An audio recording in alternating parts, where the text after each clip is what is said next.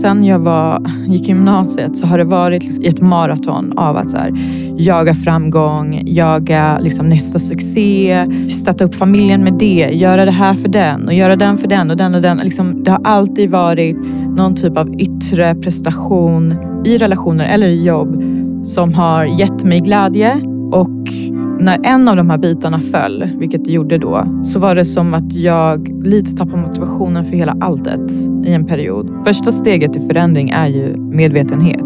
Jag kan prata med många eh, personer med utländsk bakgrund som har befunnit sig i en vit kontext där man inte riktigt har förstått bördan av att antingen typ få representera liksom en grupp eller tyngden av att hela tiden behöva prestera liksom super, super mycket bättre än någon annan. Så här, man är inte medveten kring sin roll i en kontext och det går ju att applicera på massa olika ställen. Ja, alltså allt vi gör och vilket värde vi sätter på oss själva det är ju väldigt beroende av vilken kontext vi befinner oss i. Och det kommer påverkas av vilka bakgrunder vi har och vilka vi är. Men i en värld där vi ofta värderas utifrån våra prestationer och där de också bedöms olika på grund av vilka vi är. Hur kan man då hitta sitt värde utöver det? Och om vi har en bild av vad vi ska göra, vad vi ska vara och en pusselbit av det plötsligt rasar. Hur tar man sig vidare från det? Om allt nu är knutet till prestationer och vilka vi borde vara. Hur kan man liksom omdefiniera den där bilden och hitta nya vägar? Ja, det pratar jag och Siduri Poli om i veckans avsnitt. Hon är entreprenör och hon är känd för sitt arbete inom mångfald. Bland annat genom sin bok Att lyckas i en vit värld. Och utmärkelserna som hon har vunnit, ja de går knappt att räkna på en hand och hon är en värdig vinnare av dem eftersom hon jobbat aktivt med att koppla ihop innovation och nya tekniker med inkludering för att Sverige liksom ska gå i rätt riktning.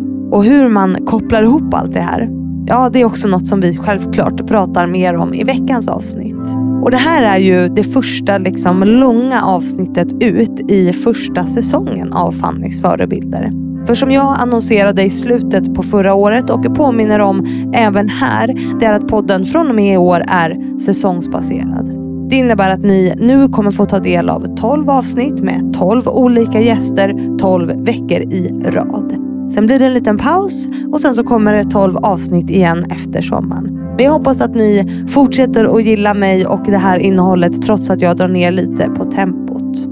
Men nu, kära lyssnare, precis som vanligt, rätta till lurarna och dra upp volymen. För här kommer ett avsnitt med Siduri Pol.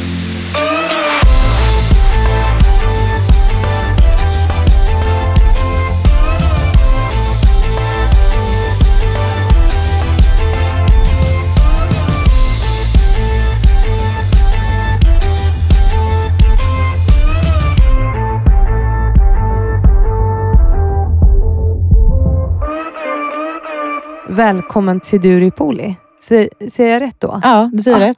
Kolla. Tack så mycket Fanny. Ett nöje att vara här. Ja, det, det tog ett tag. Alltså jag tror att jag försökte att kontakta din PR för jättelänge sedan. Jag tror det är över ett år sedan, alltså, eller två som jag var i kontakt med, med din PR. Du har en PR-agent, mm. eh, Superturken, mm. som jag kallar henne. Mm.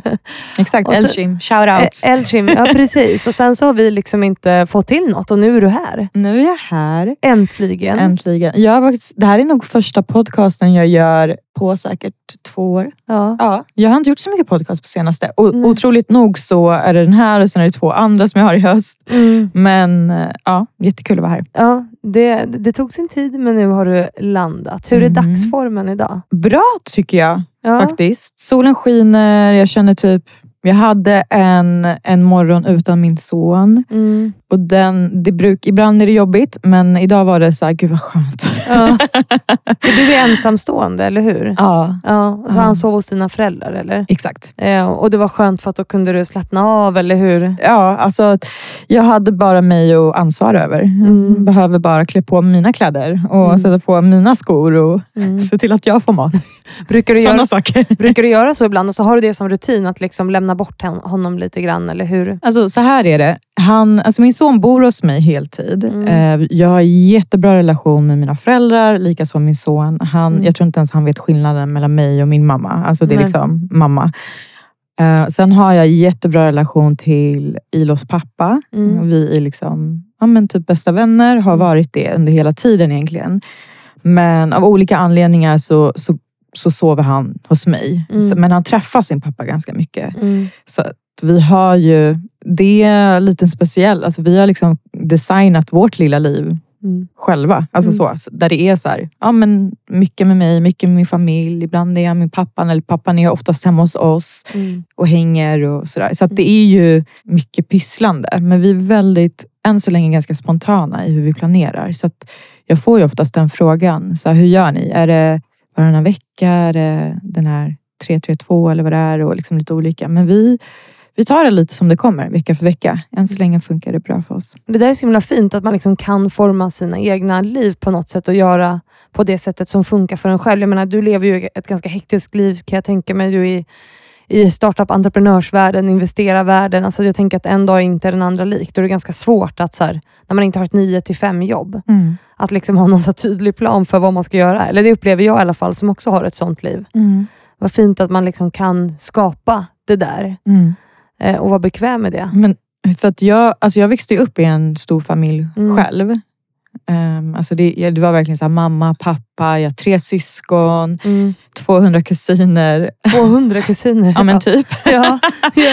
Nej, men jag har eh, nio farbröder Mm. varav majoriteten av dem har flera barn och majoriteten av dem bor också i samma område som jag Mm. växte upp i. Så att det var ju det var ju alltid fullt hus. Mm. Hur, alltså hemma hos mig så var det alltid folk. Så att jag älskar ju det. Liksom hur man, liksom den gemenskapen, communityn och framförallt att jag växte upp och hade massa olika vuxna förebilder. Mm. Det har jag liksom identifierat som en, som, som en grej som är viktig för mig. Att min son inte bara ska ha sina föräldrar att Mm. liksom rely on. Utan jag vill att min son ska känna liksom, att ma- mina föräldrar, eh, hans eh, farmor, liksom att han verkligen har mängden olika föräldrar, eh, vuxna Mm. i sitt liv som han verkligen kan rely on. Mm. Eh, och inte bara på så här, eh, att man ses på jul och lite högtid. Utan verkligen så att man får in dem i vardagen. Mm. Så det, det är lite strategi från mitt håll också. Ja, men det där är jättefint och superviktigt. Men jag tänker, du, du har ju varit ensamstående hela tiden, eller hur? Ni separerade. När var du gravid eller hade han precis kommit? Eller? Vi separerade när Ilo var 11 månader. Mm. Så det året var ju ett väldigt speciellt år. Eh, Mm. Det var 2020. Ilo är född 2019. Då, tre veckor efter att han föddes så skrev jag på kontraktet till boken. Mm. Ehm, skrev boken den hösten. Ehm, och 2020, sommaren, en månad innan jag släpper boken så separerar jag med Ilos pappa. Mm. Ehm, jag ammade ju fortfarande när jag separerade. Men gick, det, var, det är också så här, det gick från en dag till en annan. Han, liksom, Ilo kände av det. Min kropp kände av liksom, sorgen Mm. och tog in den. Och jag typ slutade producera mjölk. Och så var det som att jag och min son gick in i en ny fas där han inte var en bebis längre. Det är svårt Mm. att förklara men det hände mycket liksom där jag också kände att så här, okay, men nu är jag inte bara somebody's girlfriend. Alltså, Mm. det, det, blev någonting annat där. Där jag och min son typ fick växa upp ganska snabbt. Och sen Mm. så kom ju hela, du har också sk- skrivit bok och släppt Mm. bok. Och att skriva bok är det mest underbaraste som finns i min värld. Man får Mm. verkligen gå in i sin, sig själv, sina tankar, funderingar. Man kan Mm. gå djupt, man kan hålla det ytligt. Men, men det, det är verkligen quality time med sig själv. Att släppa boken är raka motsatsen. Då är man extrovert, man måste marknadsföra boken, eh, jättemycket tidningar och media och poddar och sådär. Så att den hösten, det var svårt för mig att navigera i ett sårbart plats där jag då var. Um, fortfarande visa upp bilden av den jag var i boken. Om du förstår vad jag menar. Liksom de två, båda två versionerna är jag. Mm. Men där, där, det var liksom, det tyckte jag var tufft. Att Mm. också bearbeta sorgen in, in, the, in the public på något sätt. Ehm, och jag tror att det gjorde att jag inte... Jag, jag sköt upp typ sorgearbetet. För sen när du vet, ridån åkte ner och liksom, lanseringen av boken la sig Mm. där vid jul, nyår. Då är det som att det kom en till våg av, av så här, vad är det som händer? Hur ser mitt liv ut? Hur ska jag klara det här? Liksom, det, det, kom som, det kom igen. Mm. Vad gjorde du då? då? För det första så tog det nog ganska lång tid för mig att landa i liksom, en ny vardag. Mm. För mig var det, alltså, om, om, om man tänker så här, det som gjorde mest ont. Jag var aldrig orolig för min son. Nej. Så, att jag och min sons pappa, vi hade jättebra kommunikation. Det var, vi har aldrig bråkat, vi har aldrig höjt rösten på varandra. Vi har, aldrig, vi har alltid utgått från vad som är rätt för Ilos skull. Mm. Och mina föräldrar, och liksom, det var inte han utan det var liksom, jag hamnade nog i någon typ av så identitetskris. Mm.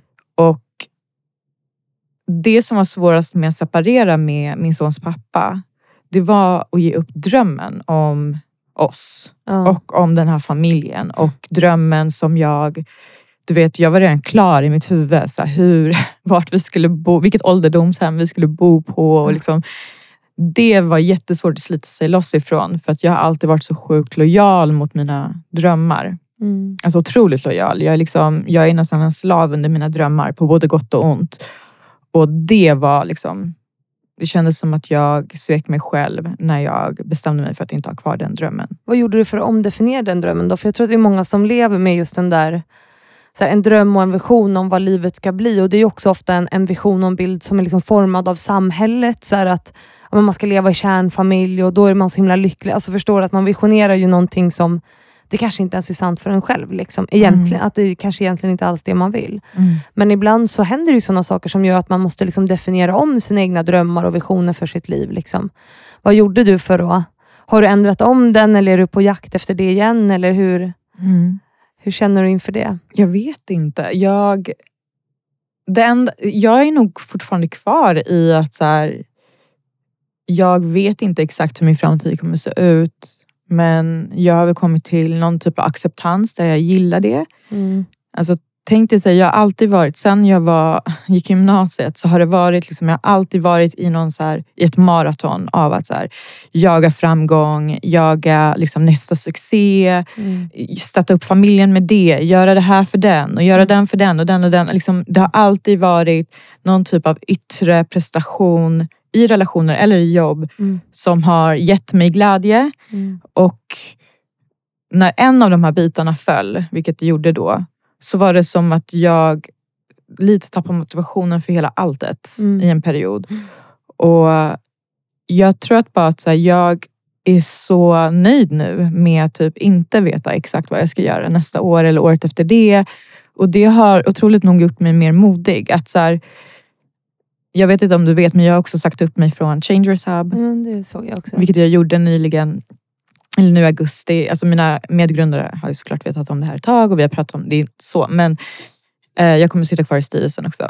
Mm. men inte det här operativa day to day. Och alla Mm. frågor var så här, okej men du ger upp, liksom, eller du går ur den här, eh, din livsdröm som CH ändå var, är fortfarande.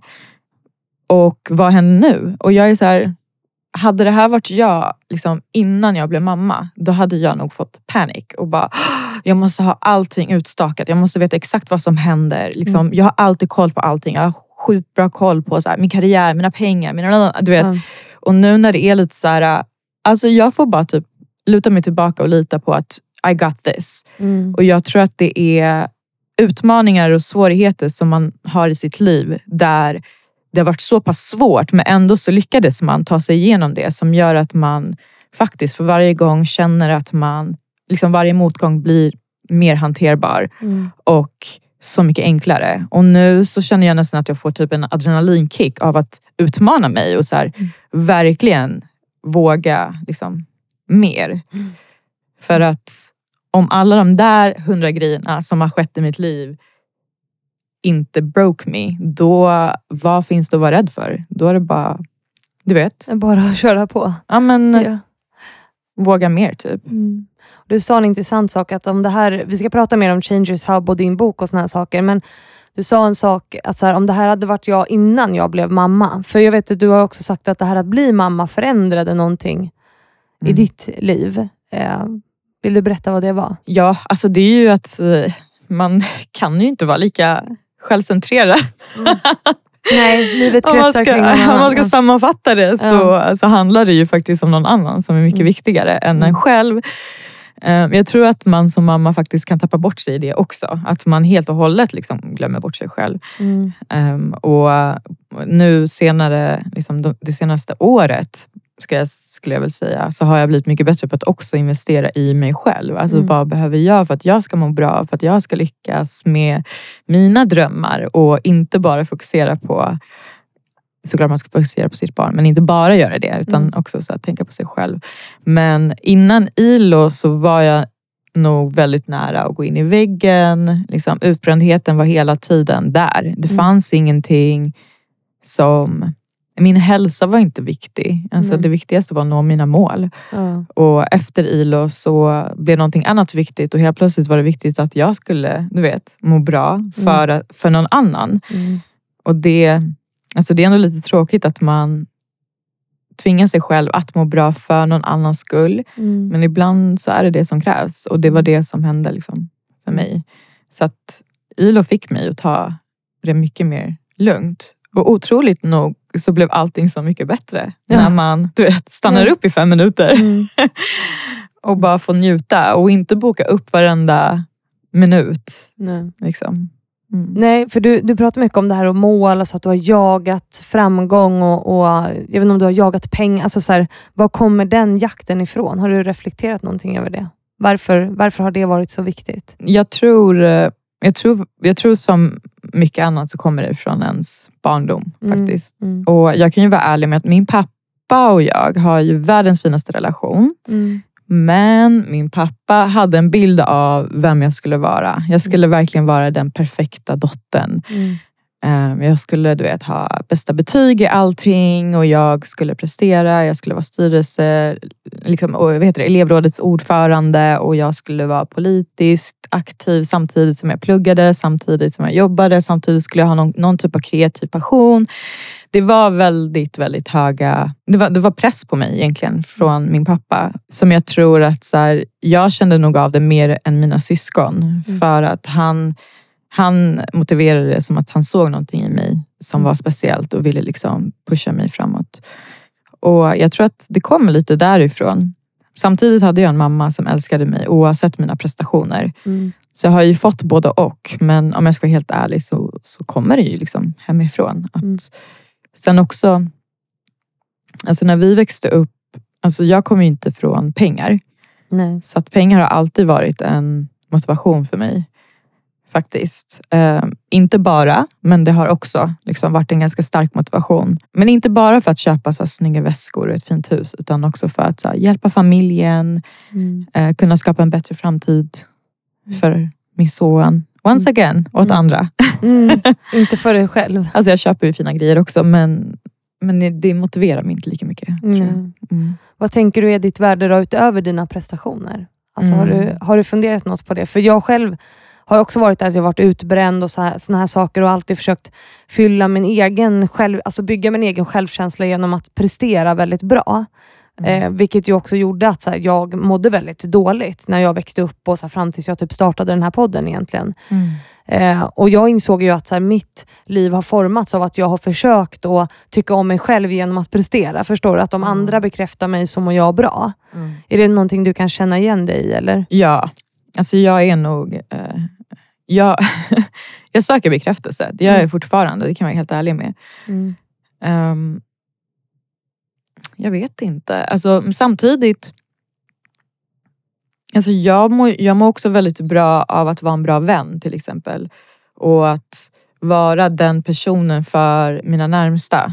Så att det är inte, alltså prestation i allt skulle jag säga. Inte Mm. bara i liksom jobbbaserat. Mm. Utan jag, jag vill liksom, jag funderar, typ om jag har en shitty day och jag ska träffa mina bästa kompisar, då vill jag typ antingen ge en heads up eller typ så kämpa för att jag vill verkligen kunna ge dem den bästa versionen av mig. Mm. Och samtidigt som så här, ja, om man har en jättedålig dag så klart man ska kunna briefa det med sina bästa vänner. Och jag har ju så många bästa vänner också.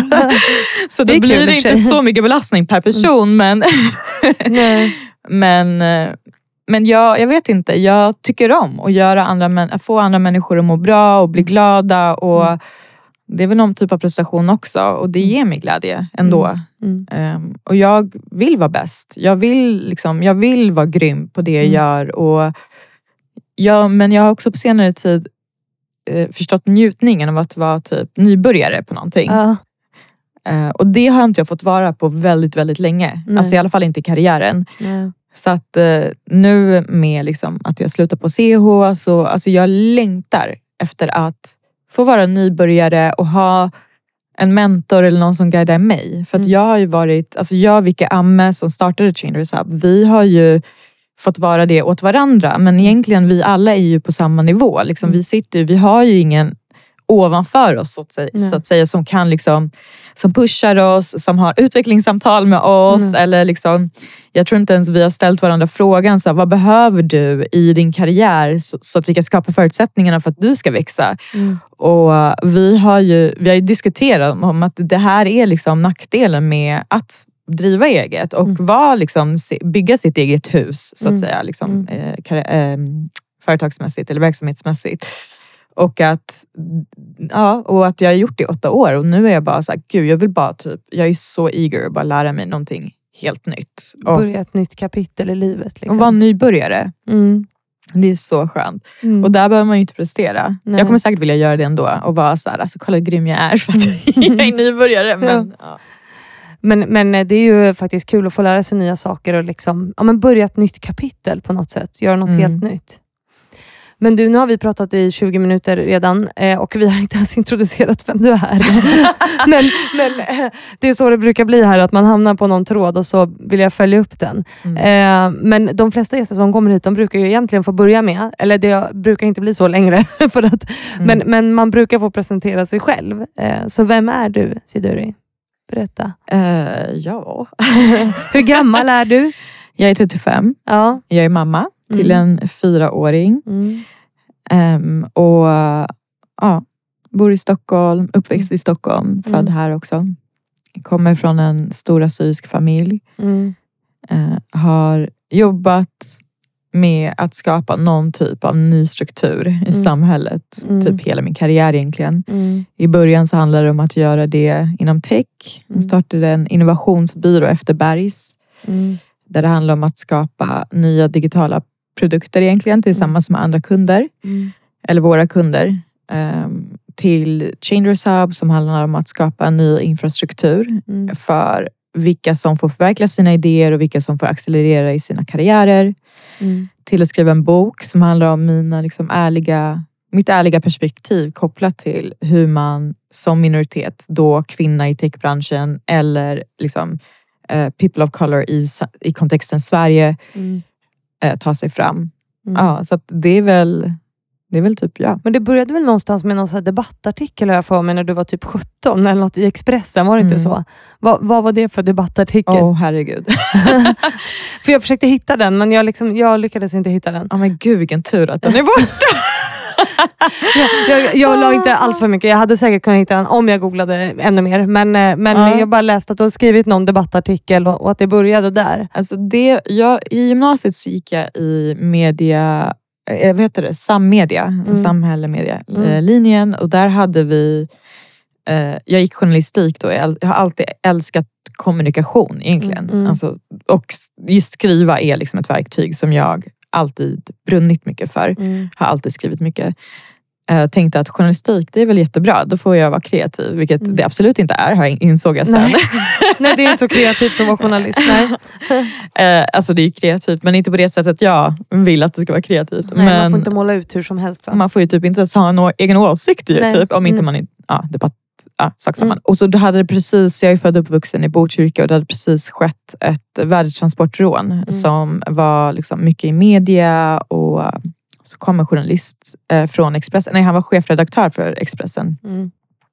och eh, eller om det var debattet, ja, sak samma. Han kom dit och frågade, är det någon här som vill skriva hur det här värdetransportrånet har påverkat er? Ja. Och då skrev jag en artikel, en debattartikel, skickade in den så publicerades den och då var jag 17 år. Och det var väl egentligen första gången jag var med i, alltså jag var i media ändå um, och då prata om ett väldigt liksom, komplext problem som kriminaliteten ju är. Um, och det fick mig, det, ja, det handlade om mitt perspektiv då. Och jag Mm. tror titeln var Rånarna gör oss stolta och trygga. Ja. Så att eh, du hör ju provokation, provokationen. Det var i och för sig inte jag som satte titeln, men Nej. det handlade faktiskt om en 17-årig tjej som är född och uppvuxen i Botkyrka och hur min bror var ju kriminell. Så att för mig, alltså, den krim, att en person som är liksom yrkeskriminell, man ska säga, var ju inget konstigt eller märkvärdigt. Det var ett karriärsval likt många andra. Ja. Så för mig var det nog inte så provocerande att skriva att så här, men de eh, som jag kände till och var omringad kring, de skapade ju faktiskt någon typ av trygghet och Mm. att jag hade mer förtroende för de individerna eh, än till exempel polisen. Mm. Och det är, ja, det var mitt perspektiv då och det är ju absolut inte mitt perspektiv nu. Nej. Men eh, ja, det, det var så det började skulle jag säga. Med liksom, eh, media i alla fall. Var en Mm. publikfigur i media. För då var det ju alltifrån eh, liksom alla morgonprogram och jag debatterade med liksom, olika ministrar. Och, och jag kunde ju bara prata utifrån min erfarenhet. Alltså, Mm. Vad fan visste jag? Liksom. Men det gjorde att jag blev inspirerad ändå av ämnet. Så jag började plugga kriminologi sen, senare. Så att det, någonting gav det ju. Jo, men precis, ja, det är så intressant att du är ju så här, du har läst journalistik och du har läst kriminologi och sådär. Och sen så blev det techbranschen. Alltså hur kommer det sig att det blev techbranschen för dig? Så jag började plugga på Bergs Ja. egentligen. Kommunikation då eller? Interactive Communication hette det och det var egentligen deras eh, programutbildning som handlade om Egentligen skulle det vara bygga liksom digitala kampanjer Mm. åt olika brands men fokuset var mycket mer på affärs...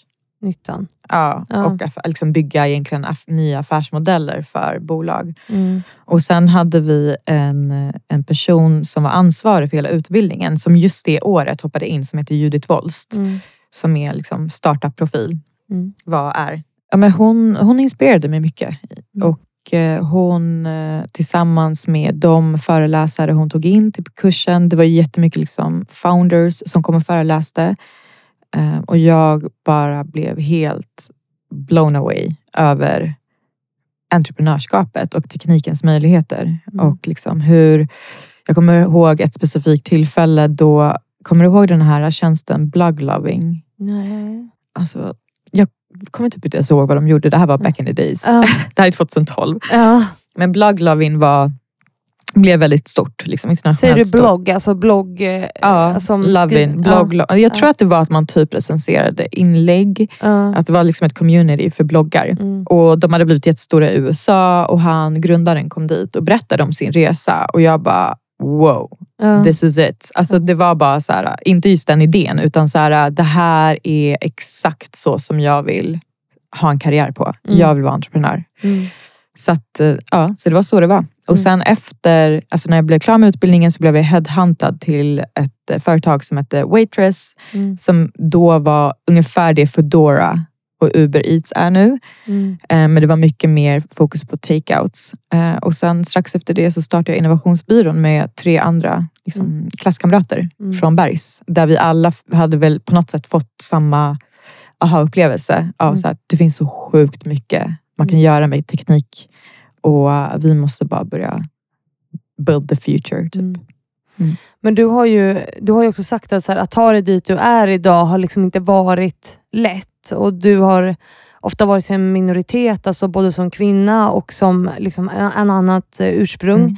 Att du ofta har känt dig ensam. Liksom, att det finns massor med sådana situationer som du som du liksom kan komma ihåg. Eh, Mm. Vill du berätta mer om det? För jag tänker att det är också ursprunget till Changers Hub, eller har jag fel? Nej men det stämmer. I alla fall Mm. för mitt, liksom, så som jag, hur jag hamnade Mm. i, eller liksom det som har drivit mig.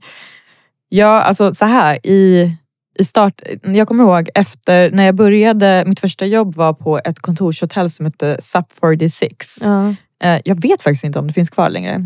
Men då var det liksom it-stället. Ah, Okej, ja. Ehm, Det var liksom, de, alltså, bara för att förklara hur, hur it det var. Det var liksom när vi pratade om bitcoins, då kostade en bitcoin eh, 90 dollar. Mm. En hel eh, bitcoin kostade 90 dollar. Så det var liksom så super early och där fick man liksom så nys om alla liksom nyaste grejer. Mm. Eh, du vet, Spotifys grundare var där. Och så här, det var väldigt mycket här, liksom fylld med framtidstro, optimism och alla Mm. jobbade för liksom a better future. Det var bara liksom early stage eh, startups Mm. där många av de bolagen flög. Liksom VC-bolagen var där dagligen och skulle liksom spendera pengar på det här. Och liksom, det fanns en väldigt liksom, fin stämning i det här, Mm. men väldigt mansdominerat såklart. Det här är liksom i en tid då vi knappt pratade om jämställdhet i techbranschen utan Mm. det var liksom så här, en programmerare var en dude. Ja. En investerare var en dude och en liksom, grundare var en dude. Det, det bara var så Mm. på SUP 46, alltså jag tror det var, det var jag, det var en annan kvinna som hette Petronella och såklart receptionisten var kvinna. ja, marknadschefen kanske, ja. HR-chefen. Ja, på Ja. sin höjd, tops liksom. Ja. Eh, Så, att vi, så det var ju väldigt så och jag kommer ihåg, för jag har varit väldigt nätverksdriven. Att så här, jag älskar, alltså inte för att det är strategiskt bra och lära mycket, känna mycket folk utan för att jag älskar att typ prata med folk och Ja. connecta. Mm. Men, eh, och eftersom att jag kommer från där jag kommer ifrån så känner jag ingen. Nej, gjorde jag inte då i alla fall. Nej, exakt. Då var det verkligen så här, I know nobody. Ja. Men, ja, men så det var liksom varenda tillfälle där det var liksom nätverksträffar eller AVs eller liksom så, så ville jag vara där. Men Mm. märkte ganska snabbt att det var, alltså det var liksom ingen miljö för någon kvinna att egentligen befinna sig i. Nej. Ehm, speciellt när alkohol blev involverat. Ehm, så det var det. Det var också så här, känslan av att hela tiden behöva representera sin, vad ska man säga, sin art. Mm. Sin art. Ja, det låter så sin grovt. kvinna. Så här, ah, Kvinna men, vad tycker kvinnor om det här? Så här bara, eh, vi kanske borde typ fråga fler. Typ. Ja. Ehm, sen, så det, var, det var den här ensamheten, absolut Mm. som fanns där. Eh, Men jag, jag är från Botkyrka så jag har skinn på näsan. Jag har inga problem och du vet, nobody can fuck with me. Så Nej. har det varit. Så Ja. det, var, det var inte att någonting mer dramatiskt än så hände. Mer än att jag tyckte att så här, jag tycker typ inte att det här är okej. Nej. Och så här, vart är mina kompisar från Botkyrka? Vart är liksom de jag hänger med? Varför finns inte de här? Om det här är liksom stället där framtiden skapas. Liksom det här byggnaden, här skapas framtiden för världen. Varför finns inte mina kompisar? Varför finns inte de jag du vet, brukar vara med? Så att, Varför gör de inte det då? ja, men jag tror att det handlar om mycket liksom, invanda strukturer som, Mm. och strukturer vi redan haft. Och Mm. Första steget till förändring är ju medvetenhet. Mm.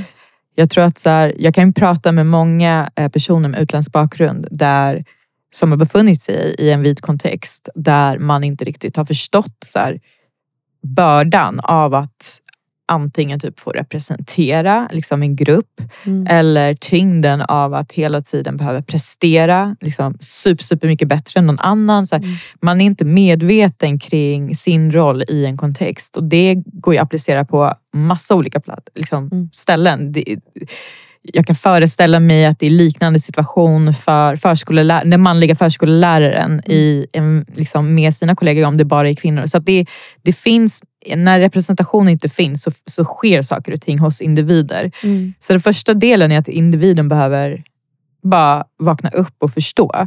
Och jag tror för, varför jag kunde göra det ehm, var för att jag på dagtid var i en kontext där jag var så främmande för alla. Och i min var- vardag så var jag så hemma med alla. För Mm. att där fanns det ju mångfald liksom, i min familj, bland mina vänner, Mm. Basketen eller liksom var, vart jag än var. Mm. Och Det var liksom bara en, en känsla av att så här, varför känns det så här här och så här här? Mm. Och insåg också att så här, jag är nog den enda som känner liksom, att jag inte är hemma här. Alltså de här dudesen, de älskar ju varandra och de går på fotboll med varandra. Och du vet. Mm. Så att de har ju skitkul tillsammans. Det är ju bara, det är jag. Liksom så. Den andra delen är mycket så här, vilka kultur, vilken kultur man skapar. Mm. Det handlar ju om att kunna skapa en inkluderande kultur på arbetsplatsen. Mm. Eh, Och det finns 2000 olika sätt på hur man gör det. Ja. Jag ska inte gå in på vad alla, Nej. men men det finns ju en, ett ansvar tycker jag från liksom, arbetsgivarens håll att, Mm. att se till att göra det. Mm. Ja, det där är ju superviktigt. Men jag tror, och också det här med medvetenhet, det är något jag också ofta är inne på. Så jag föreläser ju om jämställdhet och min föreläsning heter Från medvetenhet till action. För jag tror att när vi är liksom, blir medvetna om våra egna beteenden, den värld vi lever i, då kan vi också välja att agera annorlunda. Jag tror, eller jag vill tro att gemene man liksom inte är svin, gemene man är inte rasister. Det är bara att vi vet, in, alltså vi förstår inte vad det är vi är del av. Så är det. Därför att det, liksom, det är den världen vi lever i och vi alla formas ju av den. Mm. Eh, Men jag kan också uppleva att det finns en, en ganska stor så här, motvilja att vilja bli medveten. Förstår du? Alltså, det är mycket lättare att liksom leva sin värld med sina perspektiv. Mm. Eh, och Det kan göra rätt ont att utmana dem. Eh, Mm. Men vad tror du, liksom, vad gör vi för att få folk att bli mer medvetna? Då? Vad tror du är Mm. viktigt där? Eh, jag vet inte. Jag, jag, jag upplever nog inte samma sak. Nej. Jag tycker att eh, jag upplever det du berättar, alltså när vi startade med CO 2015. Ja. Då var det så här, nej men alltså vi har antirasistisk policy. Vi har det här, det här, det här. Och sen så när man pratar med folk som kanske var anställda där så, så var det en helt annan bild. Och vi ser ju det fortfarande. Alltså Changers Hub jobbar ju både mot målgruppen unga vuxna, liksom Mm. med Academy-delen, utbilda dem inom tech och entreprenörskap. Men vi har också jättemycket case där vi jobbar direkt med bolagen Mm. vi jobbar med.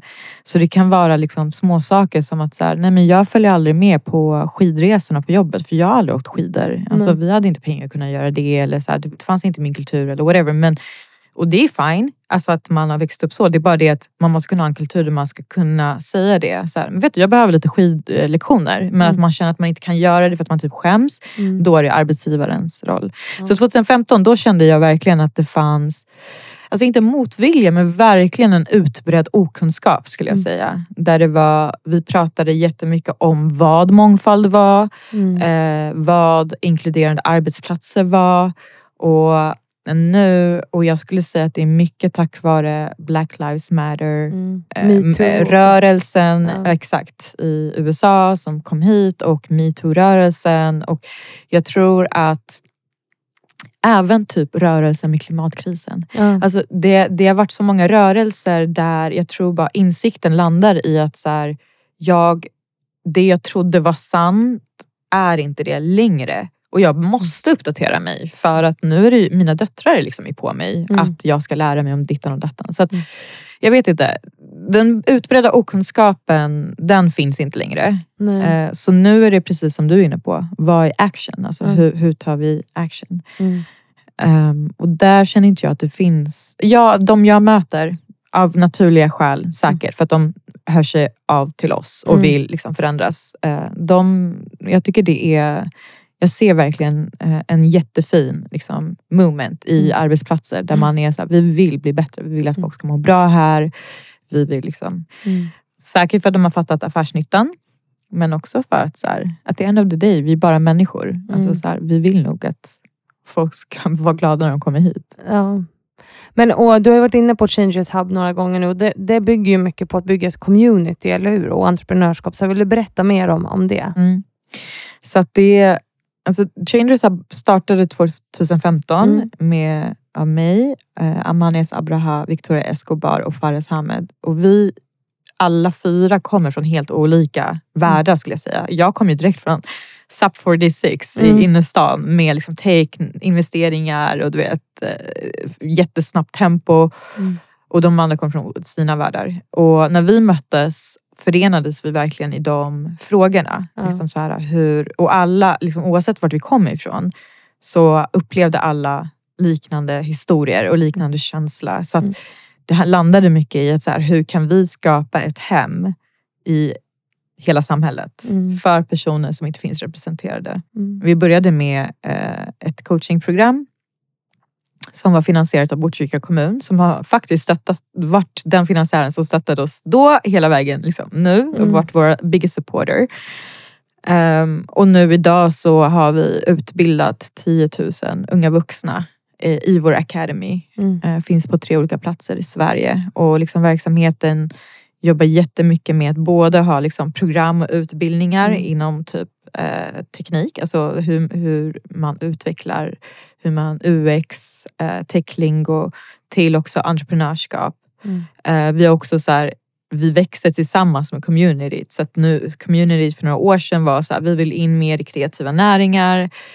Eh, Bana Kidane som också var medlem i Changers Hub började utforska så här, hur, vad händer om vi gör en Changers Hub fast inom fashion. Så att nu har vi liksom Changers Fashion som är typ Mm. en egen verksamhet som Mm. har ett eget liksom och så, så började vi liksom hitta de här olika nischerna så att nu istället för att bara vara, bara, bara vara liksom ett hus, liksom Changers Hub för hela samhället så har vi också börjat göra så här nischinsatser. Så att nu Mm. har vi liksom Changers Fashion som jobbar med utbildningar. Och det som gör våra utbildningar annorlunda är ju att vi gör ju dem tillsammans med näringslivet. Ja. Liksom det är ju, man är ju ute i verkligheten konstant. Mm.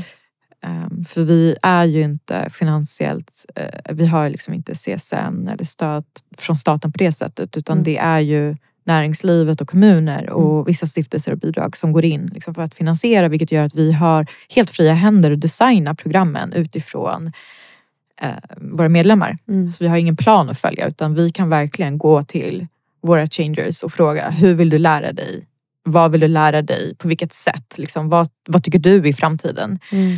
Och de är ju vår biggest resource när det Mm. kommer till att förstå framtiden. Mm. Alltså unga vuxna vet ju typ vet jättemycket mer än vad jag gör. Ja.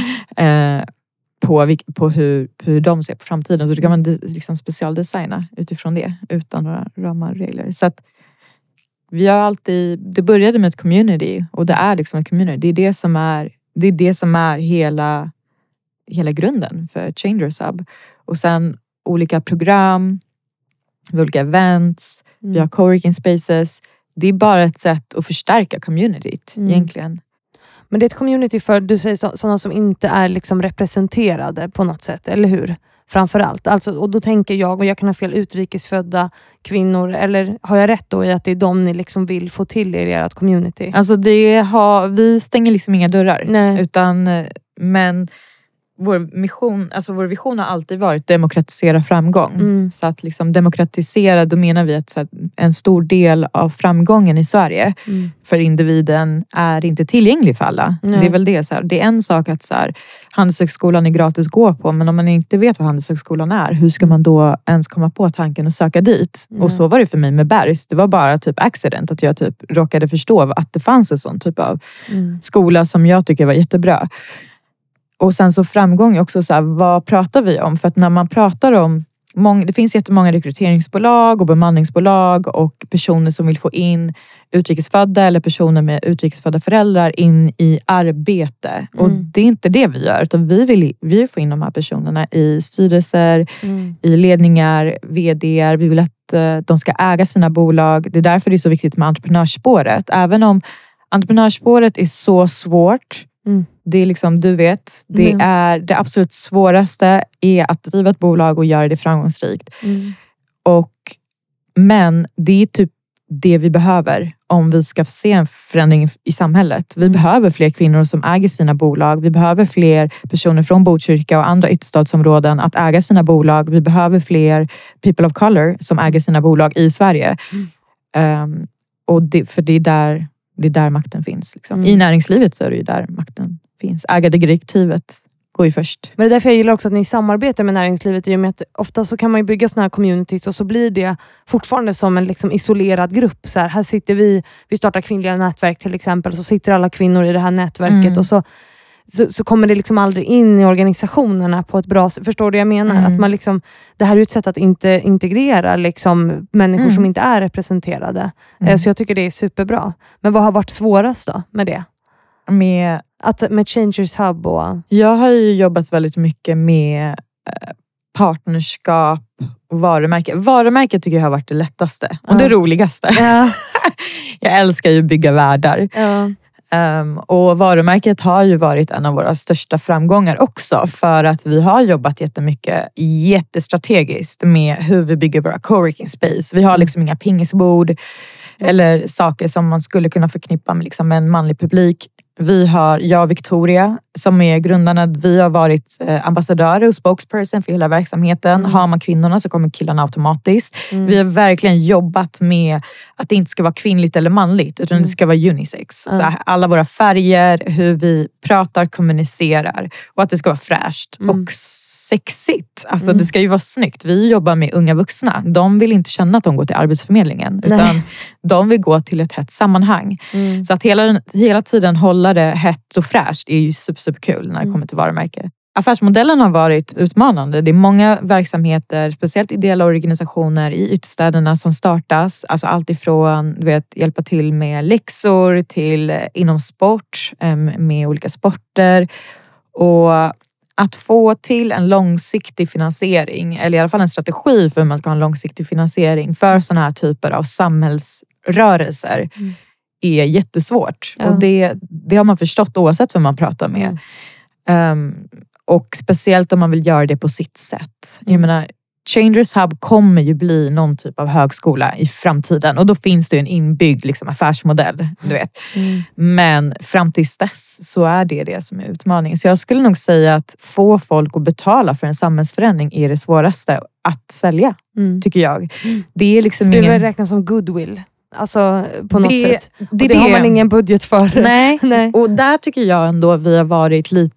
Vi, jag förstod tidigt att det där finns liksom inte i Mm. Sverige på det sättet. Nej. Typ förra året så var jag i USA på ett längre program Mm. eh, med Joe Biden och hans Ja, jag vet, administration. för du, du, du, fick ju, du blev ju inbjuden till Vita huset. Det är ascoolt. så jag var och hängde med dem i två och en halv vecka. Ja. Det var jättehäftigt. Men där finns det ju, från ett corporate perspektiv så finns det ju ett helt annat sätt för hur man stöttar local communities. Mm. Alltså där finns det inmatat. Antagligen för att de inte har liksom ett välfärdssystem som vi har här. Så. Mm. Men här i Sverige, företag är inte riktigt vana med att ta samhällsansvar på det sättet. Så att jag visste, jag har alltid vetat att så här, ska man gå, det där är liksom eh, de sista pengarna i budgeten. Ja. Du vet, det första man stryper är pengar som ska gå till good things. Mm. Så, att, så att för oss var det väldigt viktigt att så, vi måste hitta någonting annat vi säljer i sådana fall till företagen. Mm. Och en sak som... Så att vi pratar ju absolut med CSR-avdelningarna och liksom, eh, Head of CSR och liksom så. Men Mm. vi pratar framförallt med marketing. För dem är det jätteviktigt att kunna nå en ny typ av målgrupp som man inte man har nått Mm. eller är svåra att nå. Alltså unga vuxna är den svåraste målgruppen att nå. Kostar oftast eh, triljoner kronor. Ja. Och speciellt vår målgrupp som är liksom ambitiösa unga vuxna från ytterstaden. Mm. Majoriteten av dem är det. Mm. Och vi har majoriteten kvinnor och sådär. Så att det är ju en målgrupp som inte har blivit samlad på det sättet eh, tidigare. Nej. Det, det är väldigt speciellt. Mm. Och sen pratar vi mycket med rekrytering, alltså HR. Eh, där det är så här, vi vill kunna rekrytera eh, bredare. Vi vill kunna få in fler kvinnor här eller vi vill kunna få in fler personer med olika perspektiv till det här. Mm. Och då kan vi stötta upp med det. Så att det är det svåra. Ja. Att så här, i- skapa paketet som gynnar bolagen på flera olika sätt. Mm. För att bara göra goodwill, det hade inte funkat för vår verksamhet i alla fall. Nej. Och sen tror jag det är svårt. Jag tror det är ännu svårare faktiskt. Att gå och be människor eller bolag att, att tyvärr, det är min erfarenhet, att så här, liksom lite så här, hjälp oss eller stötta det här, det är för en bra grej. Det behövs vara med, men det måste finnas något annat affärsvärde, eh, Affärsvärde tror jag. Mm. Om man vill göra det lätt för sig så ser man till att ha det andra också. Mm. Mm. Viktigt. Och du, eh, mitt i allt det här, nu vi har pratat superlänge, men vi, det är något vi måste prata om också. Det är ju din bok. Mm. Nu bara byter jag ämne här. Ja, kör! Men för du har ju kört Changers Hub och du har varit i Vita huset och så här, men sen så 2020 så skrev du också din bok som ju blev väldigt uppmärksammad. Mm. Att lyckas i en vit värld. Mm. Eh, den sålde, vad sålde du? Två upplagor innan den ens var ute. Mm. Eh, det var ju en superviktig bok. Men kan inte du Mm. berätta mer om liksom varför du ville skriva den och sådär? För det är väl framgångstips för Mm. sådana som vill lyckas i en vit värld som inte är vita, eller hur? Mm. Ja.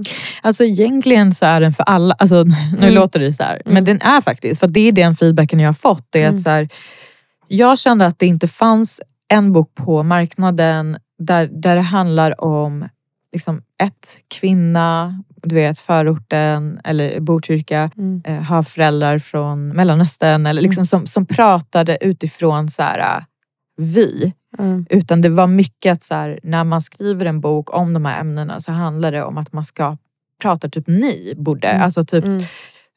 Etablissemanget eller Mm. samhället eller den vita världen so to speak Mm. ska liksom anpassa sig och lära sig. Mm. Och jag ville veta så här, men vilka strategier finns det för att klara sig i de här olika miljöerna. Mm. Alltså, vi har så många i CH som har börjat jobba på företag där det inte finns representation, mår bajs, Mm. slutar. Du vet, och Mår bajs, jag älskar att du säger det. Jag brukar också säga det här är bajs. Ja, Men det är, jag har en fyraårig son hemma Jaha. så det är mycket kiss och bajs nu. ja, ja. ja, ja. Mm, Jag har en systerdotter som är fem, alltid Ja, bajs. ja. Ja. Men, och då, it's not enough. Liksom. Och sen tror jag också så här, om vi ska skapa en förändring på riktigt, riktigt, då behöver vi vara i där makten finns. Så Mm. jag ville lite så här, uppma, uppmuntra vårt community Mm. att så här, äh, drömma större. Hjälpa varandra, gå ihop, organisera er professionellt för ett karriärsyfte. Mm.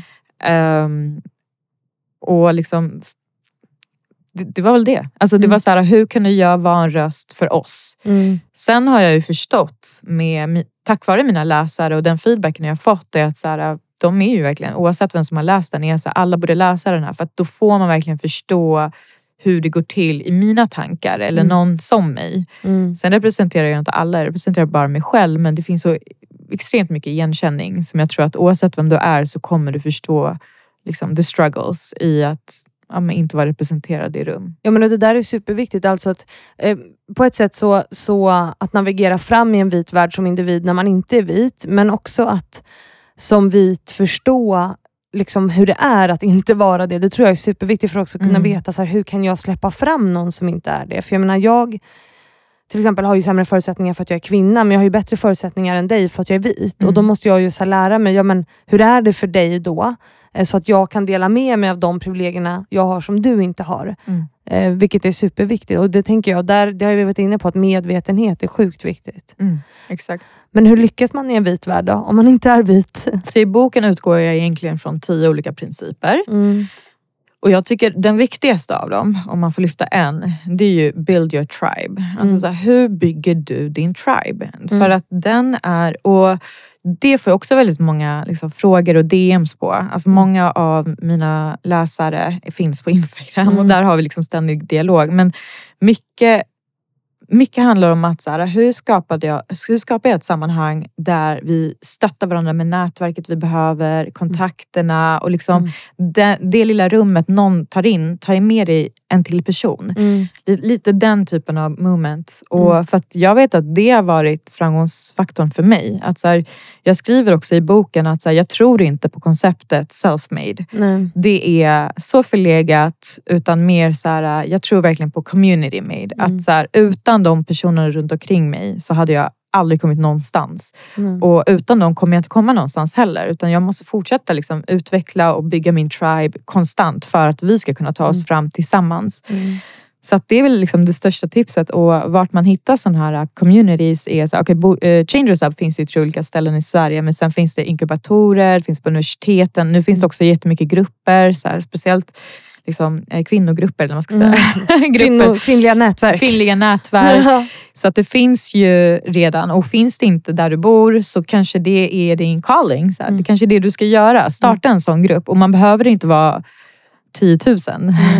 Utan det räcker med att man är liksom några stycken. Men, och sen också vara ärlig med vart du är på väg. Mm. Eh, och våga, våga drömma öppet om Mm. vart du är på väg. För att jag har alltid, varje gång jag berättar om en dröm jag har, Mm. eller ett mål jag har snarare, på vart jag ska, till exempel börja investera. Mm. Jag började prata och sa, okay, nu måste jag, nu har jag gjort hela den här resan, gjort den här resan, nu känner jag mig redo att börja ängelinvestera.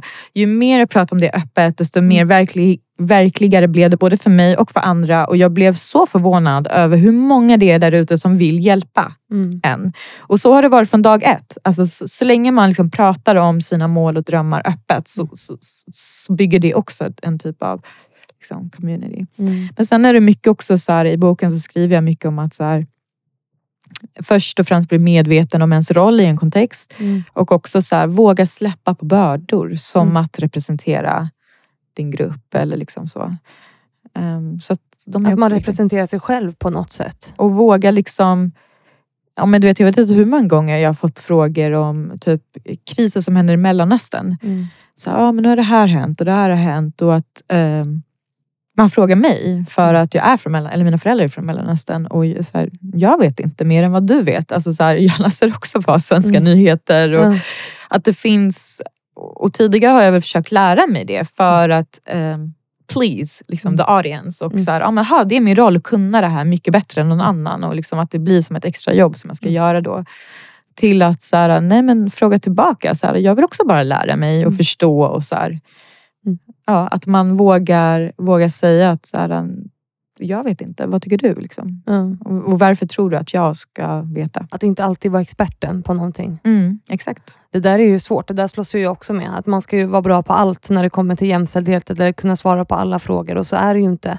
Nej. Jag tänker också att det finns en så kultur som man ser, tycker jag framförallt i sociala medier, där man så här ska ta ansvar för alla frågor. Förstår du jag, hur jag Mm, menar? Jag som mm. till exempel jobbar med jämställdhet är ju många gånger så här, jag jobbar ju med mångfald, jag jobbar med jämställdhet, men jämställdhet in, mellan könen har ju varit mitt fokus. Men ändå så får jag oftast kravet på mig att så här, du ska också liksom ta hand om den här frågan och den här frågan och det här inom Mm. jämställdhet. Och det har jag typ försökt landa i, att så här, nej, men jag kan inte jag kan inte driva alla frågor för då kommer inte jag hålla. Och Det tror jag är ganska viktigt. att så här, Inom jämställdhet eller inom mångfald att vi har fokus på olika saker och vi kan Mm. bli bra på, på en sak. Mm. Förstår du? hur Jag... Och det, det är ju mer kvalitet till Mm. diskussionen också. Mm. Att så här, ja, men det här är mitt specialistområde, men inte det här. Jag rekommenderar den här personen för det. Liksom Mm. så att man, Mm. för sen är det ju också, jag hör dig, men samtidigt känner jag så här, vi som har en plattform, Mm. behöver, jag känner i alla fall så, att så här, jag behöver kunna adressera olika saker utan Mm. att behöva ta på mig den rollen. Mm. Och jag känner att så här, har man en plattform, då, då är det, det är ett stort ansvar. Alltså, Det är en makt. Vi Mm. kan liksom inte komma ifrån det, att det är en makt. Nej. Och att eh, sitter man på makt, då behöver man liksom fundera sin roll i Mm. det. Mm. Um, sen är det många som sitter på mycket större makt Mm. med så här miljontals följare som kanske borde engagera sig eller någonting Mm. mer. Borde, jag vet inte. Alla får göra sånt, det som gör dem lyckliga. Men jag hade gjort det. Mm. Och jag tror, ehm, jag tror den balansgången Mm. känner jag är svårast faktiskt. Att så här, jag förstår min roll, Mm. ehm, men samtidigt så är det ju faktiskt inte min expertisområde. Men Mm. jag slussar gärna vidare folk till de som jag tror svarar bättre. Liksom. Mm. Men det där är så himla svårt också. för Man säger det så här, men de som har miljontals eh, an, alltså följare som borde jag kan hålla med om det, som borde liksom ta mer ansvar för olika typer av frågor. Men det finns ju också en rädsla att göra det, vilket jag tycker är farligt. Eh, det, I och med att när man gör det så kan man också mötas av enorm kritik om man tar ställning i en fråga eller något sånt där. Vad, tror du, vad kan vi göra för att liksom komma förbi det? För det tror jag också är viktigt för att människor ska kunna lyckas i en vit värld. Förstår du jag Mm. menar? Att de med makt faktiskt tar ansvar för de här frågorna, men det finns ju en rädsla att göra det. Mm. För det här var också något som min sponsor Excitec ville höra mer om. Vad, tror, vad gör vi för att komma över den rädslan? Förstår du min fråga? Mm. Alltså, jag tycker inte... Jag tycker inte... Alltså, nej, jag tycker faktiskt inte att man ska göra det om inte man känner... Nej. Alltså, jag lägger ingenting på någon annan. Nej. Utan så här, om du har om du har miljontals följare och du säljer, jag vet inte, tavlor eller växter eller kläder. Good for you honey. Alltså kör, gör din grej. Du vet, se till att du på sista raden donerar pengar, gör det i det tysta eller publikt. Jag lägger inte, jag bryr mig inte så mycket om andra på Nej. det sättet. Däremot så om jag får chansen att uppmuntra någon till att göra det, då blir jag ju glad om, om den kan göra det. Men det känns också som en så här, Män har tjänat pengar i alla år. Mm. Och du vet i generationer och generationer. De, har, de är miljardärer, de köper båtar och hus och allting. Du vet. Mm. Och sen så fort vi kvinnor börjar göra det, då ska vi börja också ta hand om hela världen och vara Mm. liksom Moder Jord once again. Och så här, heter det Moder Jord? Ja, men ja, Moder Teresa. Moder? Teresa. Och, och Ah. den är så här, jag, jag blir conflicted i det. För Mm. att jag vill också att så här, jag vill bara att vi ska kunna, alltså om en tjej kvin- någon från CEO kommer och säger jag vill bara bli skitrik. Mm. That's it. Mm. Jag vill bli skitrik, jag vill betala för min familj, jag vill göra det här. Vet du, gör det. Ja. Och om det är någon annan som drivs av samhällsengagemang eller något annat, gör det. Jag drivs av både och. Liksom. Jag tycker inte det ena, mot- det ena motiverar... Om det bara är samhällsförändring och det bara hade varit någon typ av välgörenhet, det hade inte heller motiverat mig. Det kan jag Mm. vara ärlig med. Så här, Mm. Jag vill också ha en individuell framgång som Mm. är pengar och materialistiskt. Jag har, båda, jag har båda delarna i mig. Och om det är en person där ute som har den här plattformen med båda delarna i Mm. sig och behöver liksom support i vilken kamp man ska ta eller hur man ska kommunicera. Då, ja, men hör av er till mig eller någon annan som är bra på det Mm. och gör det. Det är liksom min uppmuntran. Mm. Men borde och liksom ta ansvar för det. Jag vet inte, jag, jag är konfliktad i det faktiskt. Men som du, din fråga är, så här, hur ska man våga? Ja. Alltså, jag tror också vi har blivit lite immuna mot kritik. Mm. Alltså, så det, eller vi har blivit för rädda för att få kritik. Mm. Att så här, absolut liksom hat och mord, hot och sådana saker. Det, alltså, det är aldrig accepterat. Men många diskussioner är faktiskt bra att Mm. vi har och att liksom, kritik kan också leda till en progression och att så här, vi behöver ändå ha vissa samtal i samhället. Mm. Så att, och om du får lite kritik. Alltså, Borsta av dig. Alltså, Ja, fast det är lättare eh, sagt än gjort. Men, ja, speciellt om man har, speciellt om ens levebröd är på den plattformen. Mm. Så är det ju faktiskt så. mm. Ja, mitt levebröd är ju inte Instagram. Nej. Utan mitt levebröd är i mina investeringar, i mina styrelseuppdrag. Liksom, det, är, det är någon annanstans. Mm. Så att Instagram, absolut, det kan påverka mig negativt så, men jag har inga annonsörer som kommer kunna dra sig undan liksom på en Instagram-plattform. Så jag kan vara mer outspoken. Mm. Och sen vad jag outspoken om? Jag pratar ju bara om min, min sanning. Mm. Och min sanning kan ingen ta ifrån mig. Nej. Jag säger inte att jag är expert inom vissa frågor som är utanför mig själv, utan jag kan bara utgå från min sanning. Mm. Och det, det är vad det är. Liksom, om någon kritiserar mig, då var jag i alla fall at least I spoke my truth. Mm. Och att vara sann mot sig själv är också viktigt, tycker jag. Superviktigt. Mm. Du, vi ska börja avrunda lite här nu. Ja. Hur känns det för dig? Jag känner att jag vet typ inte så jag har sagt. Nej, så känner typ alla. Det är så kul. Du kommer gå hem sen och bara, vad har jag sagt? Och vad var det egentligen? Så känner nästan alla när de har varit där, så du kan vara helt lugn med det. Du har varit eh, jätte, nu ska inte jag säga duktig, för det säger vi alltid till tjejer, så du har varit superproffsig och bra.